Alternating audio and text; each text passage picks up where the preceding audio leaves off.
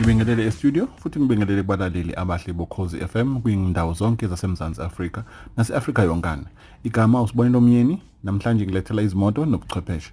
Ake siqale nje sibheke indaba yemoto ezintsha eyithuliwe emzansi abaka Hyundai bakhiphe iGrand i10 entsha ngiyacabanga ukuthi abantu abafuna imoto encane esafe enestyle futhi futhi nangaphakathi nama features amakahle ngiyacabanga ukuthi lokho bazokujabulela. Ngoba uma uyibheka i-design yakhona isinkulu kune Grand i10 ekade ivele ikhona ngaphambili uthola i-grill enkulu enama LED akhanya emini ama light akhona a sexy ame angathayi curve bese iba nama fog light ngenzansi. Eh uma usuyibheka eceleni ifika no 15 inch wama rim uma kuyi fluid kodwa uma kuyi motion eh kuyona ifika nama rim awu 14 inch.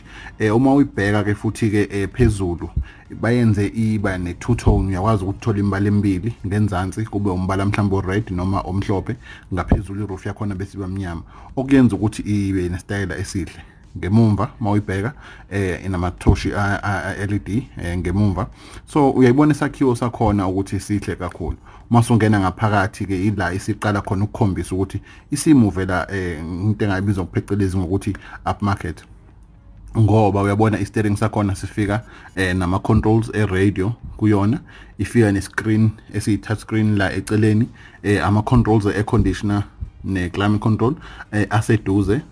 Kahle ispace ngaphakathi njengoba ngibe ngasho ukuthi isinkulu ihlala abantu abahlanu ngokukhulu ukukhululeka em so konke lokho uyabona ukuthi kuyenza ukuthi ngempela uHyundai le moto ifo umuntu ofuna imoto ekwenza konke ibe incane uyakwazi ukuthi akuthole konke lokho so ke ama USB ports iyakwazi futhi ukuthi uxhume i-Apple CarPlay uyakwazi futhi ukuxhuma futhi ne-Android Auto konke lokho. So ikahle nespace ebhuthini eh sikhona sithi sikhulu kune nespace ade sikhona esidala.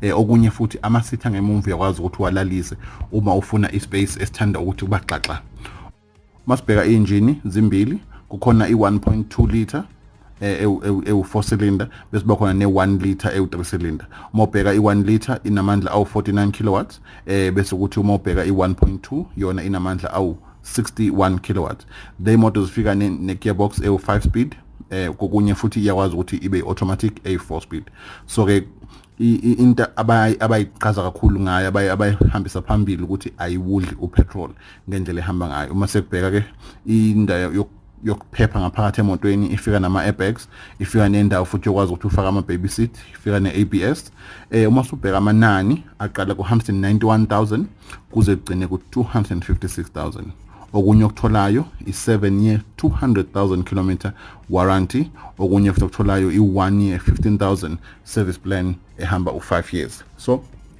kumina ngiyabona ukuthi balinyusile izinga ngempela. So uma ufuna imoto right uzokwazi ukuthi uyibone. Namhlanje futhi kwishow yethu imoto on TV uzokwazi ukuthi ubone ngohafa 7 namhlanje entambama. Okunye ke sesivala bakwethu engicabanga ukuthi kubalekile ukuthi umuntu akhulume ngako indaba zokuqolwa kwabantu okwenzekalayo embonini zeimoto kunomkhuba osuwenzekayo manje lapho abantu bezenza abantu abasebenza kuma tracking services masikhuluma nge tracking services sikhuluma nge tracker oyifakayo emotweni yakho ngaphakathi. So into abayenzayo bafike bakufonele kube sengathi khona into e wrong nge info ngemoto yakho o nge tracker system yakho. Bafune ukuthi beze kuwena ekhaya. E, uma befika kuwena into yokuqala bayenzayo bafika ngathi khona into abayicheckayo emotweni bese bathi ay sesiyilungisile kodwa ukuze sibone kahle sidinga ukuthi imoto siyishayele ukuze siyitest ukuthi isasebenza kahle yini. Wena umbona umuntu egqoke kahle futhi uyena okufonelile ekunika information uyitshena ukuthi kahle. Kanti uma setest imoto yakho useyahamba useyabaleka. Okunye futhi abakwenzayo bafike bayithinta thinta imoto ngaphakathi eh bathi akulungi kahle eh sicela ukuthi siyise kwindawo yethu la sisebenzela khona ukuze sikwazi siyibukisise kahle izobe sibuya kwena ngalesikhathi behamba nemoto sebeyayiqola. So ke okubalekile ukuthi umuntu we technician kunoma yipi tracking service akavumelekile ukuthi ashayele imoto yakho. So ngaphandle uma usuyilethe kwi tracking center uyakhumbula uma kade uyiletha khona ngalesikhathi izofakwa ufike endaweni oyaziyo ukuthi i safe uyipake into abayenzayo ukuyimuva bayifake ngemumva kunjenge dealership bayimove bayifake ngemumva ifike khona ifithwe kahle.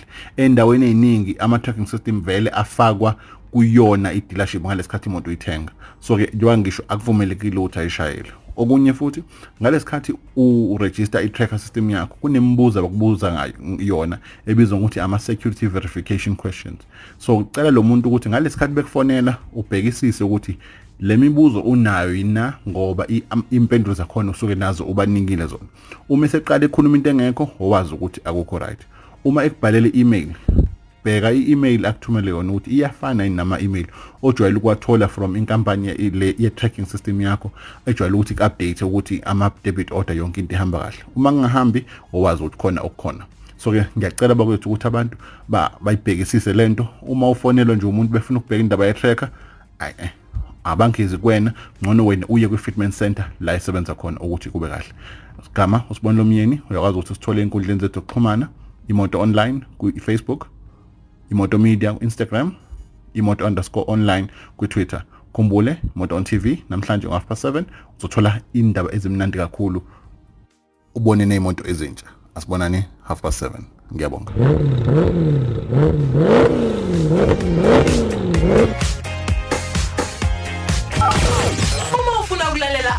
Ama-podcast ethu uvakashela u-www ukhozifm luhamba phambili.